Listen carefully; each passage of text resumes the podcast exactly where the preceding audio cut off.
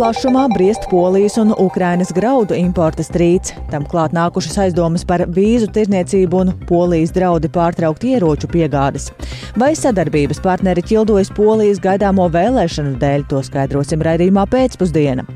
Vai Latvijas skolās ar īpašu programmu izdosies izskaust apcelšanu un pāridarījumus, un kādā veidā tiks likta lietā Somijas pieredze? Un vai Rēzakniešu protesti glābs mēru Bartaševiču no viņa atstādināšanas un pat iespējamās visas pilsētas domas atlaišanas? Un kura pilsēta pārdomājusi par naudas aizņemšanos teju divu miljonu eiro vērta spēļu laukumu būvniecībai? Un arī par to jau pēc brīža raidījumā pēcpusdiena kopā ar mani Dāci Pēkšēnu.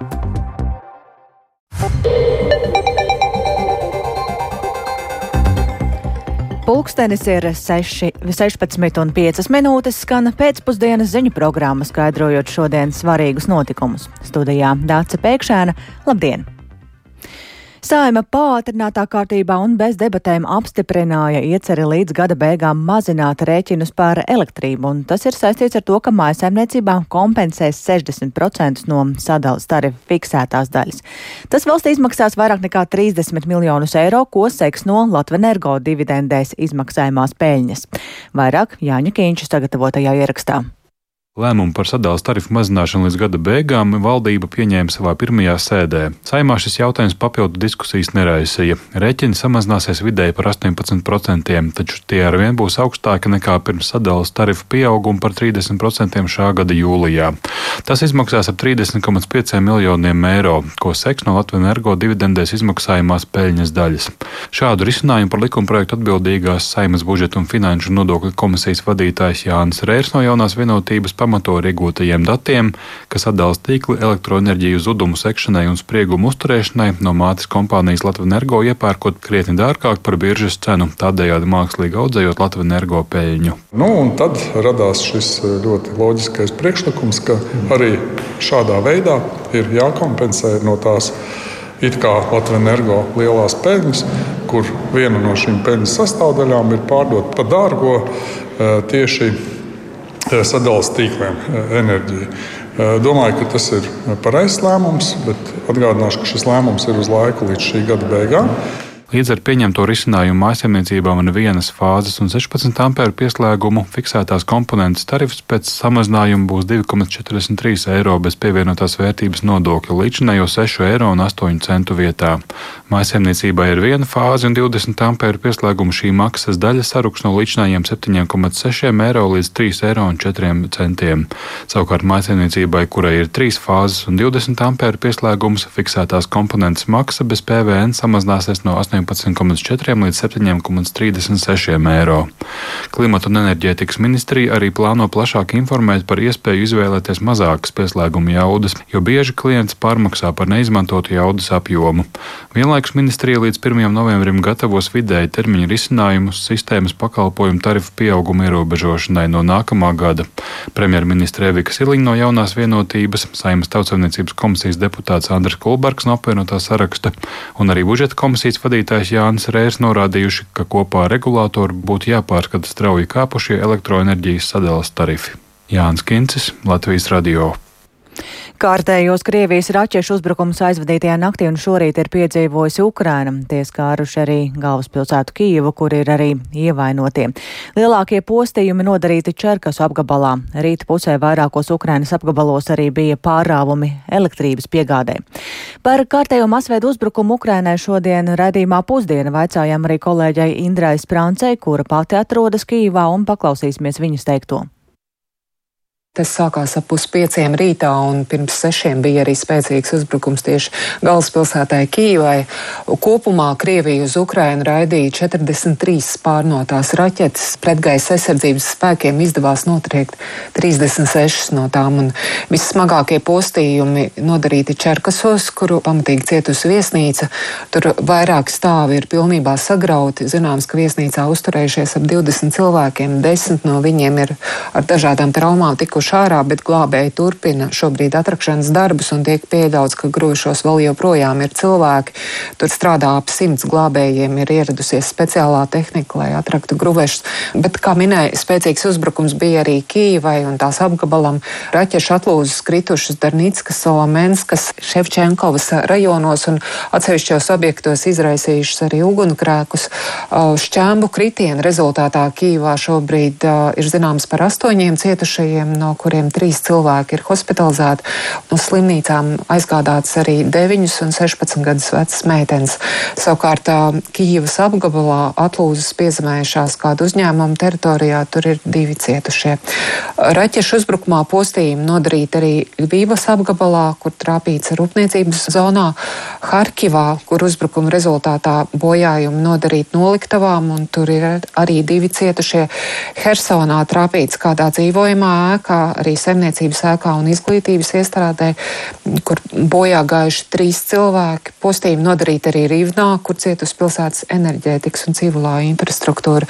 Un, uh, Rīvnā arī sabojāts ap desmit automašīnām, kas pilnībā nodegušas, un pēc uzbrukuma um, daļa Rīvnas palikusi bez elektrības, bet par laimi tur cilvēku cietušā nav. Un uh, šī rīta uzbrukuma rezultātā elektrības pārāvumi bijuši ne tikai Rīvnā, bet arī Žitomirs, daļā Kīvas un uh, Harkivas apgabalos, kur uh, visur notika uzbrukums. Tas par situāciju Ukrainā pēc Krievijas raķešu triecieniem, un Ukraina arī brīdinājusi, ka tas nozīmē diezgan sarežģītu ziemu, ņemot vērā Krievijas raķešu triecienus pa šiem elektroapgādes um, tad, tad, um, vietām, bet um, runājot par Ukrainas sabiedrotajiem, tad um, attiecības starp Varšavu un Kīvu kļūst arvien saspīlētākas. Pēc tam, kad Ukrainas prezidents Valdimirs Zelenskis paziņoja, ka ierobežojumi ievest Ukrainas graudus un citas lauksaimniecības preces nāk par labu Maskavai, Polijas premjers Mateušs Morveckis sacīja, ka Polija vairs nepiegādāšot Ukrainai ieročus. Līdz tam ir arī skandāls par iespējamo Polijas vīzu tirgošanu un kas īsi pirms parlamenta vēlēšanām met arī nopietnu ēnu uz Polijā valdošiem politiķiem. Šajā visā vairāk ir iedziļinājies mūsu Briseles korespondents Arķoms Konohaus, ar kuru esam tiešraidē sazinājušies. Labdien, Arķom, un vispirms tad par ieročiem un graudiem. Cik nopietni būtu jāuztver šis Polijas premjera Moravecka paziņojums? Labdien, Dārts, labdien, klausītāji! Protams, uz šo paziņojumu ir jāraugās nopietni, un tas liecina par to, ka attiecības ir tik tiešām saspīlētas. Un eh, te ir jāsaka, ka attiecības starp eh, Poliju un Ukrainu arī vēsturiski tur ļoti daudz dažādu faktoru, kāpēc tās ir sarežģītākas nekā, piemēram, ar Baltijas valstīm. Tur ir daudz tādu arī neatrisinātu jautājumu un um, savstarpēju aizvainojumu, par kuriem varbūt mums eh, Baltijas reģionā retajam ir zināms detaļās, bet, protams, šobrīd tas atslēgas vārds ir vēlēšanas. Atslēgas vārds tiešām ir vēlēšanas, kas eh, oktobrī notiks eh, Polijā, un līdz ar to eh, valdošajai partijai ir būtiski parādīt vietējai sabiedrībai, ka tā dara visu, lai aizsargātu savus iedzīvotājus un arī savus zemniekus, jo zemnieki tiešām ir tāda būtiska daļa no elektorāta valdošajai partijai, un šos cilvēkus tad ir svarīgi ļoti Moravieckim parādīt, ka viņš aizsargā no viņu prāt negodīgi godīgas konkurences. Viņi arī saka, ka te ir nevis Ukraiņas zemnieku un viņu graudi, bet arī Ukraiņas oligarhu graudi, kuri tad, tad viņi neļaus Ukraiņas oligarhiem diktēt cenas. Um, bet um, paklausīsimies, ko sacīja Polijas prezidenta ārlietu padomnieks Mārcis Pšidečs par šo situāciju un arī uh, Valdemira Zelenska izteikumiem, ka Polijas rīcība faktiski nāk par labu Maskavai. Interes e, gospodarczy Polski jasnym jest, że jest dla nas. E, Polijas ekonomiskās intereses mums ir ļoti svarīgas. Šādi vārdi un rīcība nekādi neveicina konstruktīvu gaisotni, kas palīdzētu risināt izaicinājumus, kuru kaimiņu attiecībās netrūkst. Ar šiem vārdiem Ukraina atgrūž palīdzīgu roku. Es domāju, ka tagad daudzi poļi jūtas netaisnīgi aizvainoti un sarūktināti. Un vēlāk, protams, šis izskanēja šis paziņojums par ieročiem, ka tie netiks piegādāti, kas gan tika precizēts un e, ir pateikts, ka Polija tomēr piegādās to, ko tā jau ir apsolījusi, bet e, jautājums ir drīzāk par turpmākām piegādēm, kur Moraveckis sacīs, ka viņu primārais fokus šobrīd būs apbruņot sevi, jo, lai palīdzētu kādam citam, ir nepieciešami vispirms ieroči sev. Nu, šādi paziņojumi noteikti arī raisa tādu plašāku rezonanci. Kā pārējie Ukrainas kaimiņi ir reaģējuši uz šiem izteikumiem?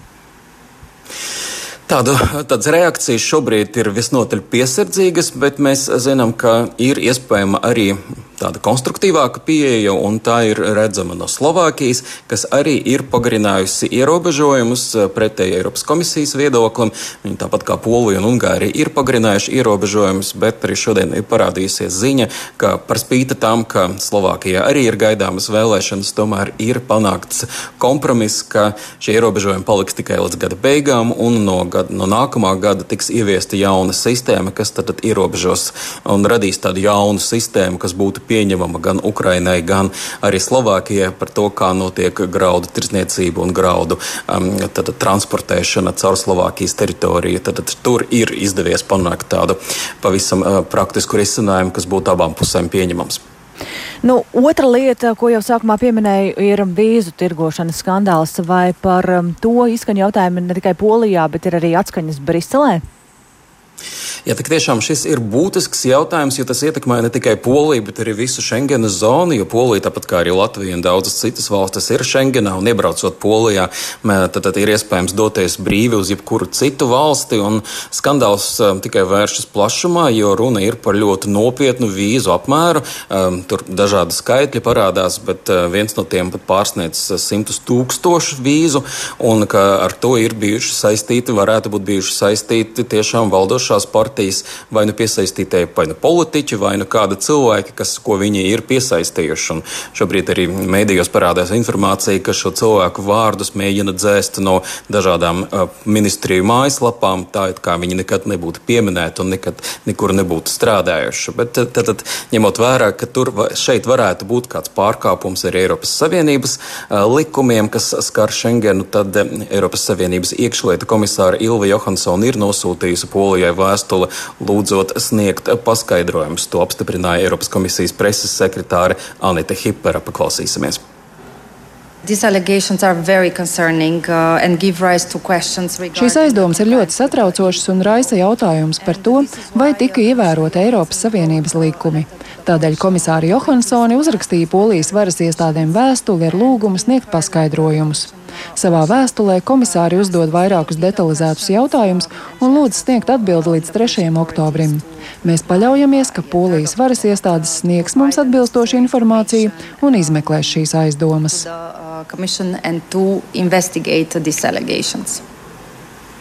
Pagaidām gan vairāk šķiet, ka Polijas varas iestādes saka, ka tās ir tādas opozīcijas pārspīlētas skandāls un ka tie vīzu tirgošanas mērogi un pārkāpumi ir bijuši krietni mazāki.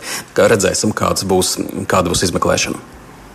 Paldies Arģemam Konohavam par skaidrojumu, gan runājot par vīzu tirgošanas skandālu Polijā, gan arī par saspīlējumu, kas ir radies Polijas un Ukrainas attiecībās.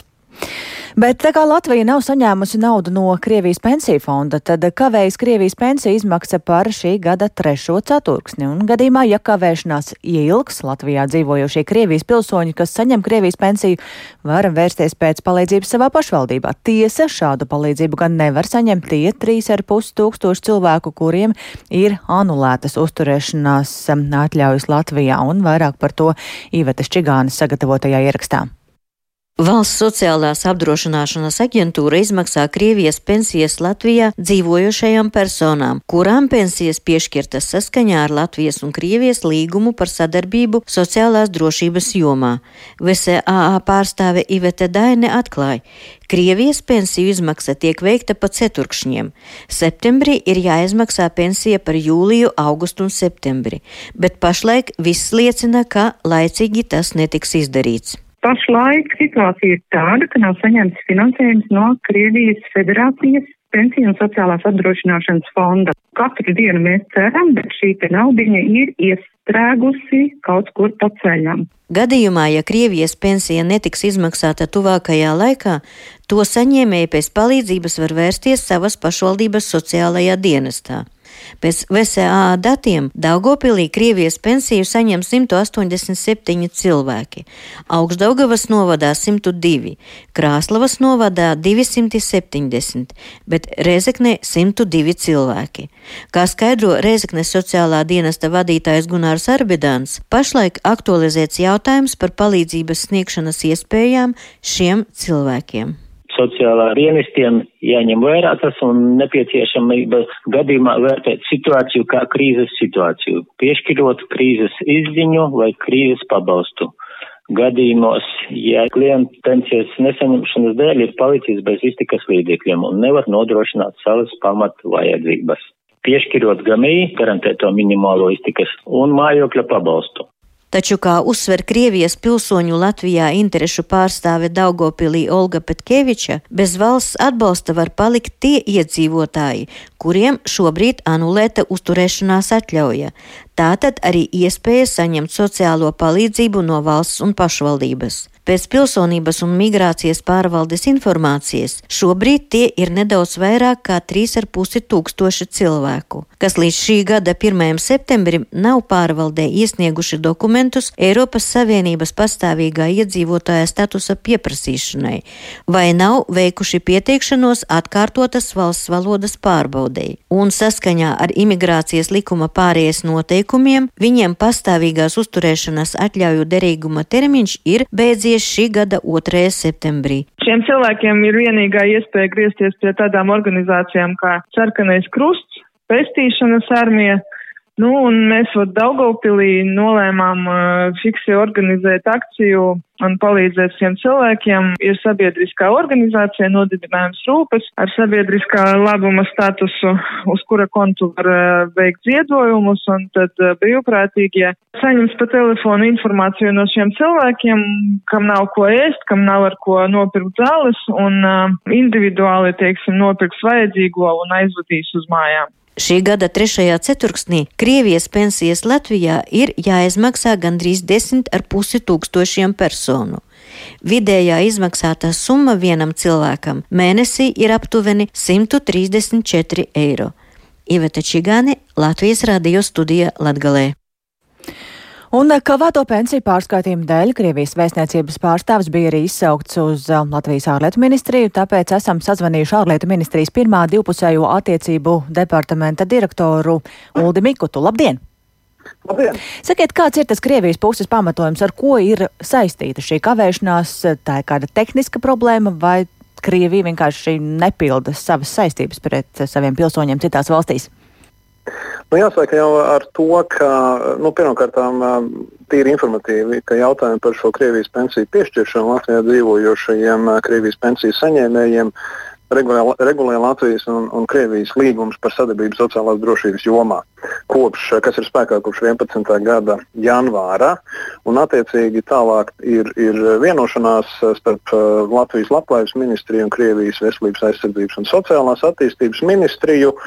Eh, kurā noteikts, ka Krievijas pusē jāveic pensiju naudas pārskaitījums uz valsts sociālās apdrošināšanas aģentūras bankas kontu um, ik ceturksni, nu, tā kā tā otrajā mēnesī.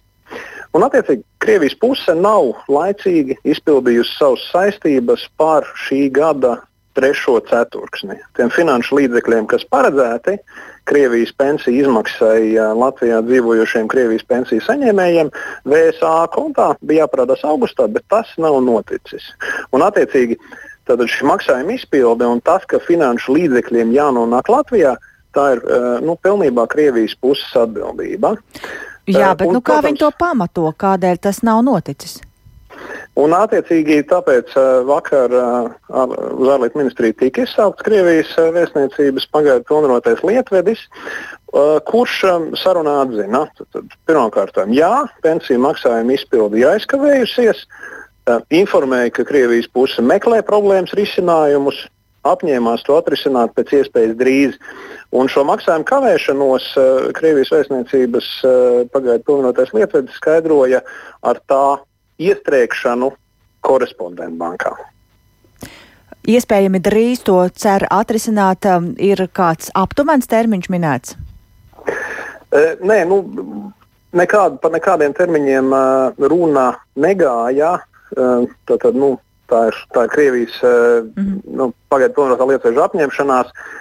Un, nu, protams, mēs sagaidām, ka šī te, Krievijas saistība izpildē nu, tiešām notiks nu, teiksim, tā, prioritārā kārtībā. Nu, jā, jebkurā gadījumā šīs naudas šobrīd eh, Latvijai nav.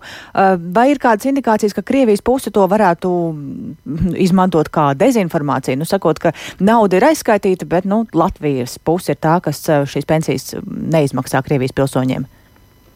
Nu, katrā ziņā teiksim, to mēs aktīvi nevērtējam, bet, protams, kā par šo te uh, tikšanos mēs nācām arī proaktīvi ar paziņojumu Latvijas sabiedrībai par to, ka um, Krievijas pārstāvs ir izsaukts un attiecīgi uh, arī par to. Uh, par šo solījumu atrisināt situāciju iespējami drīz un, un arī par sniegto situācijas skaidrojumu. Tā kā, manuprāt, mm. mums ir būtiski informēt uh, uh, tīri proaktīvi par to, ka tāds fakts esam, ir bijis. Mm -hmm. Ka tāds fakts ir bijis un ko Krievijas puse ir apņēmusies darīt. Un eh, pavisam īsi, nu, kāda ir tā tālākā procedūra, ja tomēr tas viss ieilgst? Nu, Pirmkārt, aicinātu neskriet notikumiem pa priekšu un uh, skatīsimies, uh, kā Krievijas puse šo solījumu pildīs.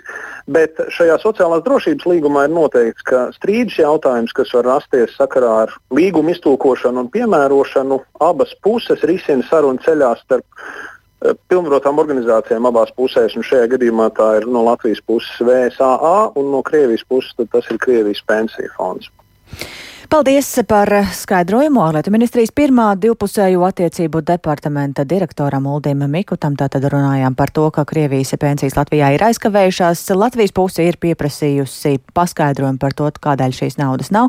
Nu, šobrīd Krievijas puse ir solījusi to pēc iespējas ātrāk risināt.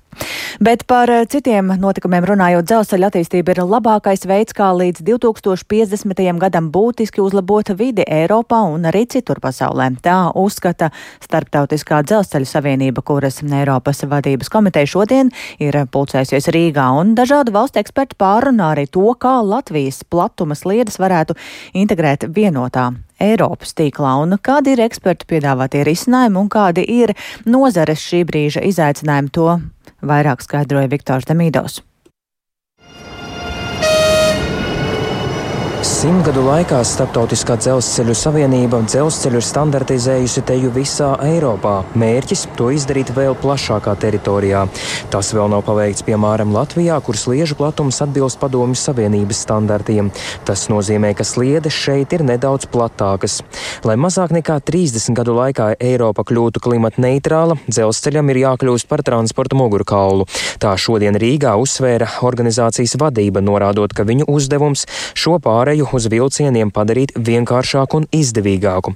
Organizācijas Eiropas reģiona vadītājs un Britu dzelzceļa network Rail pārstāvis Martins Frobišers sacīja, ka lielākais izaicinājums ir vides ilgtspēja. Mērķis - ielās samazināt mašīnu skaitu. Lai to īstenotu, šodien Savienības pārstāvi gatavojas pārunāt, kā dzelzceļa elektrifikāciju padarīt lētāku.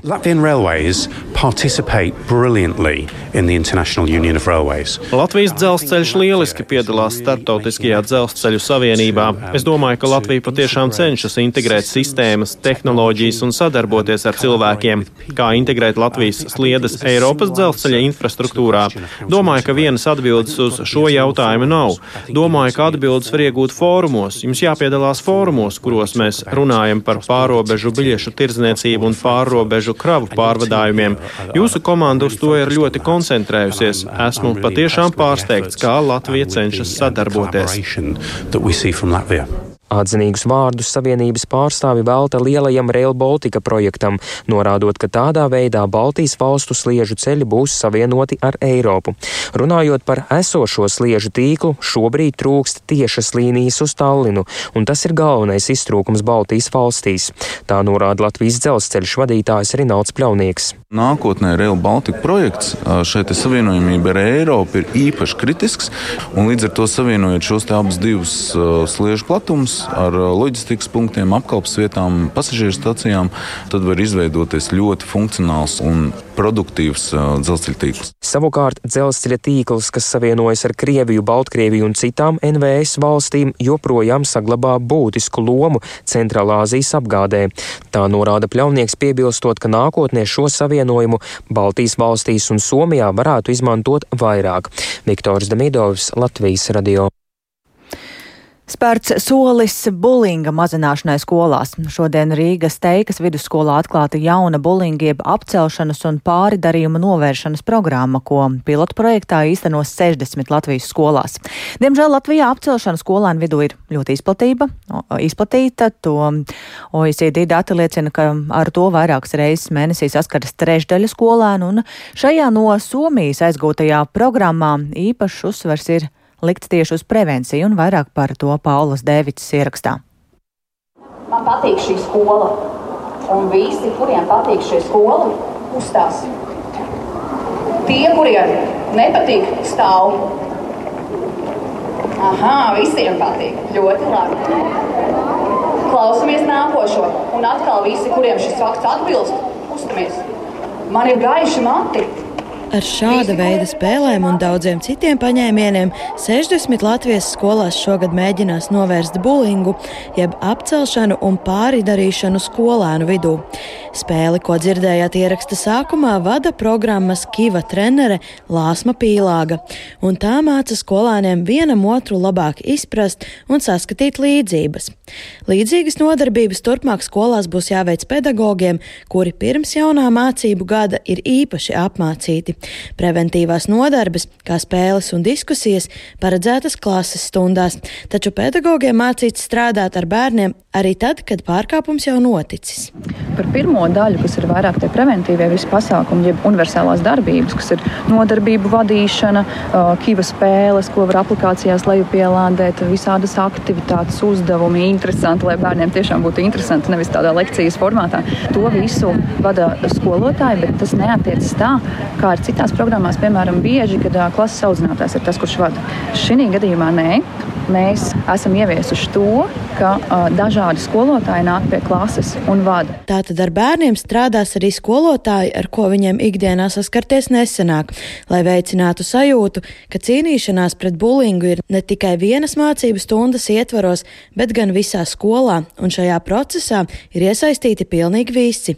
Apmācības notiks arī vecākiem, lai arī viņi spētu labāk atpazīt šo parādību un zinātu, ko darīt gadījumos, kad to piefiksē.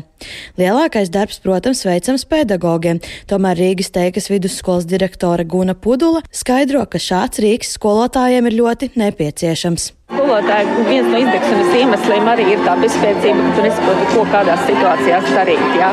Sabiedrība ir kļuvusi neiecietīgāka, un, protams, ka tas viss ienāk arī skolā un parādās arī uz bērniem. Vecāki aizņemti strādā, laika nav, līdz ar to tam bērnam ir jātiek ļoti daudz pašam ar daudz ko galā, un tad sanāk tā, ka tas skolotājs dažās situācijās pat viens pats cīnās ar kādām īpašām, nu, tādām, tādiem gadījumiem. Vienaudžu pāridarījumu un bulinga izplatība Latvijas skolu vidē ir lielāka nekā jebkurā citā Eiropas Savienības valstī.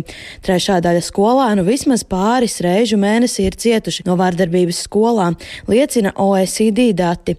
Kiva ir Somijā izstrādāta pētījumos un pierādījumos balstīta programma vārdarbības mazināšanai vienaudžu vidū, kas balstās uz vairāku desmitgāžu pētījumiem par bulingu un tā mehānismiem.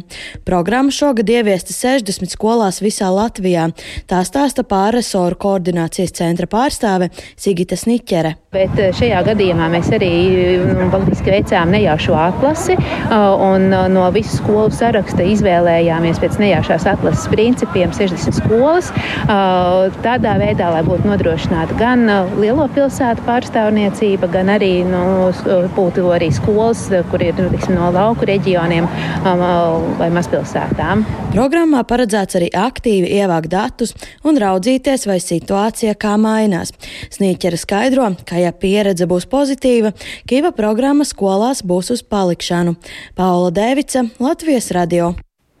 Cik liels ir atbalsts protestiem pie Rēzeknes pilsētas domas un vai tas glābs mēru Bartaševiču no viņa atstādināšanas? Un kādas noskaņas šodien valda Kuldīgā, kur ir pacelts ANO karoks par godu vecpilsētas iekļaušanai UNESCO pasaules mantojuma sarakstā? Tie ir daži no tematiem programmas turpinājumā.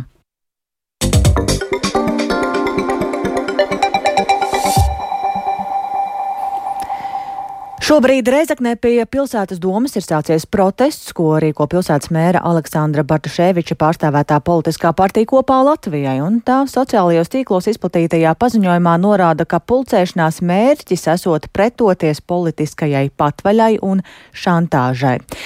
Tā norādīts paziņojumā, un jāteic, ka Bartaševičs joprojām neatzīst, ka būtu vainīgs pie naudas trūkuma un tam, ka pašvaldībai tās nepietiek pamata vajadzību sekšanai, un arī atbildēja pašvaldību un finanšu ministrijām tās Bartaševičs vaino pārsteidzīgos un pierādījumos nebalstītos lēmumos. Jāatgādina, ka iepriekšējās pašvaldību lietu ministrs Māris Sprindžuks no apvienotā saraksta savā pēdējā darba dienā sāka Bartaševiča atstādināšanas procedūru, savukārt jaunā ministra Inga Bērziņa no jaunās vienotības lēmumu sola novembrī pēc valsts kontrolas revīzijas atzinuma saņemšanas. Un plašāk par to, kas šobrīd notiek Rēzaknē, ziņo Renāte Lazdiņa, ar kuru esam šobrīd sazinājušies. Sveika, Renāta, un saki, kas šobrīd notiek pie pilsētas pilsētas domas, cik daudz cilvēku ir sanākuši? Jā, sveicināti klausītāji. Šodien atrodos šobrīd tieši pie Rezeknas pilsētas domas sēkas, kura Rezeknes mēra Aleksandra Bartaševiča pārstāvētā partija kopā Latvijai un pats arī mērs. Tātad, ir pieteicis atbalsta, viņam atbalsta akciju, jeb mītiņu. Šobrīd šeit ar, ar skaļiem aplausiem mēru no izējot no pilsētas domas sagaidīja nu, tā, simts, varbūt drusku vairāk cilvēku. Pārsvarā tie ir nu, pēc novērojumiem vecāka gadagājuma cilvēki.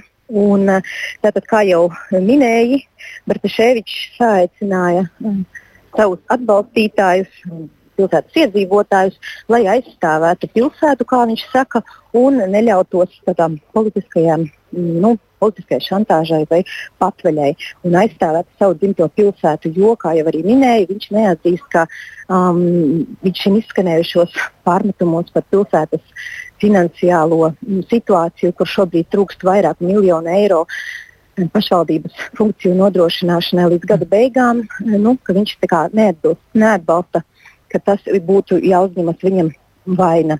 Bet, un, un, un, jā, šajā, saki, jā. Saki, šajā mm -hmm. protestā ir arī um, atbalsta, tādi, kas atbalsta Bartaševiča nomaiņu, vai tikai ir viņa atbalstītāji? E, principā izskatās, ka šeit ir tikai viņa atbalstītāji, vai arī tādi, kam vienkārši ir interesanti, kā tas notiek, nu, tādi vērotāji no malas.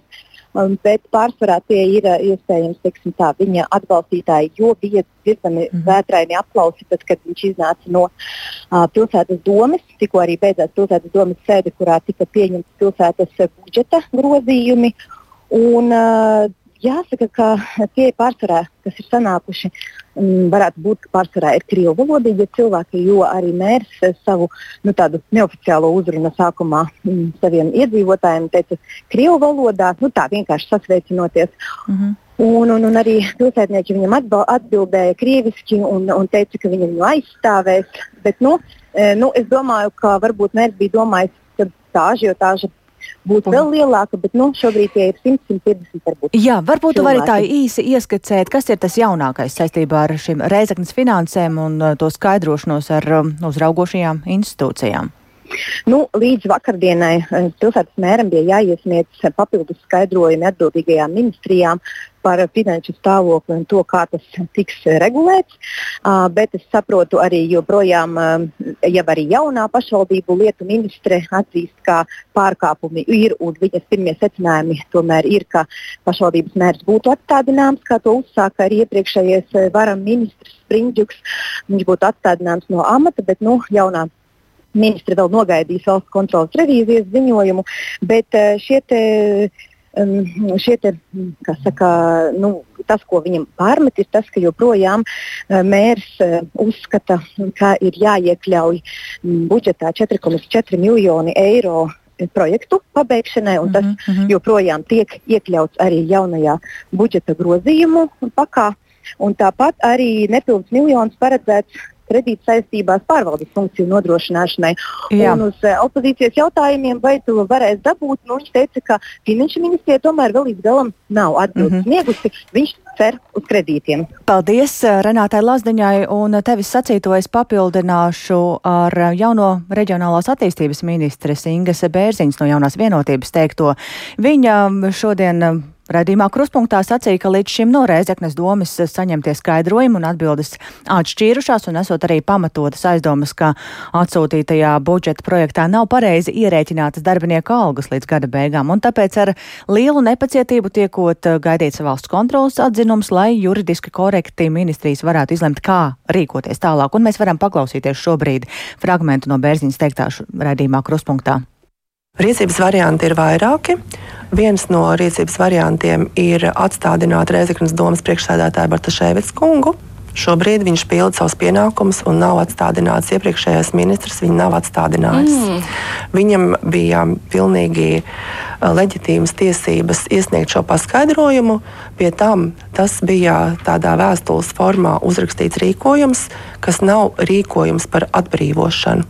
Lai domas priekšsēdētāju atstādinātu, viņam ir jāiedod rīkojums par atstādināšanu. Bet tad šādu, sanāk, šādu, šādu iepriekšējais ministrs nav iedevis Bartaševits kungam. Tad sanāk, ka valdības maiņa viņam ir devusi laiku. Uh, nu, mm, no vienas puses mēs varam skatīt arī to tā, bet man tam īsti negribētos piekrist, jo dokumentiem jebkurā gadījumā ir jābūt uh, juridiski korektiem, jo nu, es pieļauju, visticamāk, ka Bartaševits kungs tiesāsies. Un tāpēc arī šai procedūrai ir jābūt paveiktai juridiski korekti. Tātad šis rīkojums par atstādināšanu Bartaševits kungam iepriekšējais ministrs nav iedevis. Tā ir neprecīza informācija, kas sākumā būtībā vispār nepareizi izskanēja, pēc tam viņa tika labota. Tātad viens no variantiem ir šī rīkojuma iesniegšana, kur, ja es pareizi atceros, viņam vēl būs piecas dienas laiks, lai paskaidrotu un atbildētu uz to. Bet, jebkurā gadījumā, tas ir viens no variantiem. Šajā gadījumā Bartaševits kungs paliek kā domas deputāts, un domai ir jāizvirza cits domas priekšsēdētājs. Cits scenārijs, ko vidas aizsardzības un reģionāla attīstības ministrijā mēs arī šobrīd vērtējam, bet kas nav šobrīd apspriests plašāk, nav apspriests arī ar mūsu koalīcijas partneriem. Tas ir par iespējamo Rēzeknes pilsētas domas atstādināšanu. Jo lēmumi attiecībā par budžetu, kas ir pieņemti Rēzeknes pilsētā, Pārsvarā gadījumā tos nav pieņēmis viens Bartaševits kungs. Mēram var pārmest to, ka viņš tos ir gatavojis, bet budžeta apstiprināšana pašvaldībā ir kolektīvs lēmums. Tik tālu reģionālās attīstības ministres Ingas Bērziņas teiktais kolēģei Mārai Jansonai raidījumā Kruspunktā. Un vēl par pašvaldību lietām paturpinot ir notikuma attīstība kādam mūsu nesenam stāstam par ogri, kur gribēja būvēt jaunu bērnu rotaļu laukumu. Iecerē bija ļoti vērienīga no guļbaļķiem būvēt stilizētu senlatviešu pili, bet tam visam bija nepieciešams nepilnu divu miljonu eiro aizdevums valsts kasē. Un kā šodien vēst aģentūra Leta, tad ogres doma no šīs ieceres tomēr plāno atteikties. Par to ir lēmusi Domes finanšu komiteja, un tas esot saistīts ar finanšu ministrijas vadlīnijām un to, ka rotaļu laukums nesot prioritārs pasākums. Gala lēmumu par atteikšanos no rotaļu laukuma gan plāno pieņemt Domes sēdē pēc nedēļas. Un rotaļu laukuma būvniecības vietā paredzēts ogrē sakārtot neatkarības laukumu. Savukārt, kamēr ogrē vēl tikai spriež, ko būvēt, ko nebūvēt, kuldīgā ir Kuldīga tā ir vienīgā vieta pasaulē, kur um, pilnībā atainot tradicionālo Baltijas valstu arhitektūru, sapludinot latviešu un vācu tradīcijas, un tieši tāpēc tās vecpilsēta ir nolemts iekļaut UNESCO pasaules mantojuma sarakstā, un tam par godu šodien Kuldīgā valdīja ļoti svinīga noskaņa pacelot, paceļot ANO karogu. Tas pulcēja kuplu skaitu kuldīdznieku, kuri bija gandarīti būt klāt svinīgajā brīdī, paužot savu prieku un gandarījumu, un tāpat arī Kuldīgas novada būvvaldes vadītāja Jana Jēkabsona uzrunājot pilsētniekus, akcentēja katra katra iesaist arī nākotnē nesot UNESCO vārdu pasaulē. noticēt. Tas mums bija ārkārtīgi svarīgi visiem noticēt tam, ka mēs varam būt pasaules mantojuma vieta, noticēt katram no jums, ka jūsu ēka, jūsu vieta, jūsu ikdienas gaitas ir šajā teritorijā, vērtība un ļaut noticēt pasaulē. Tagad mēs redzam, ka pasaule tam ir noticējusi. Nākamais ir noturēt.